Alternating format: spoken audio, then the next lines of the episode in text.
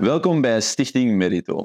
Met Stichting Merito voornamelijk als doel om ideeën naar buiten te brengen die beter bestuur en welvaart mogelijk maken in Vlaanderen. En nu het woord aan Evan.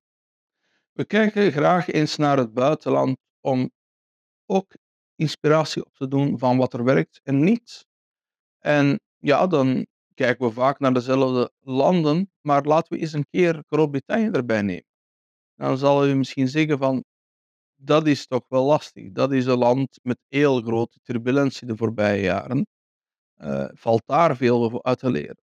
Wel, die, net die turbulentie eh, rond de brexit, de grote spreidspan in het land, die grote polarisatie, de grote wantrouwen, geeft ons de vraag: en hoe kan je daarmee aan de slag?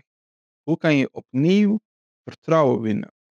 En dan vind ik het wel interessant om die nieuwe premier Rishi Sunak aan het woord te zien. Hij zegt: het is nu geen tijd voor grote verhalen. Nu moeten we heel dicht bij de grond blijven, voeten op de grond en heel bescheiden, maar wel daadkrachtig durven zijn.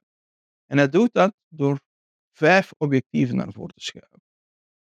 Vijf punten waarvan hij zegt, daar heeft ons land nood aan. En oké, dat zijn misschien soms wat specifieke punten voor het land, zoals ze willen de inflatie halveren, ze willen de economie terug doen groeien. Wel, dat zijn zaken waar wij toch ook wel nood aan hebben.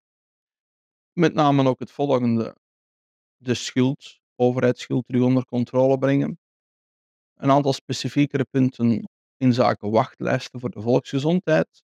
En ze zitten daar inderdaad ook met dat pijnlijke probleem rond illegale migratie via bootjes. Wat zegt Rishi Sunak? Op die vijf punten mag u mij beoordelen. Implicerend zelfs, als ik daar de doelstellingen niet haal, dan zal ik ook terug aftreden. En dat vind ik dus net een interessant voorbeeld. In plaats van grote discussies te voeren, in grote abstracte ideologische verhalen, is daar de ingeving, net in tijden van grote gebrek aan vertrouwen, grote polarisatie, moeten politici tonen dat ze ook heel bescheiden durven zijn, maar vooral ook afgerekend durven worden. Want dit zijn de zaken die ik wil realiseren. Faal ik, dan zal ik ook terug plaats maken.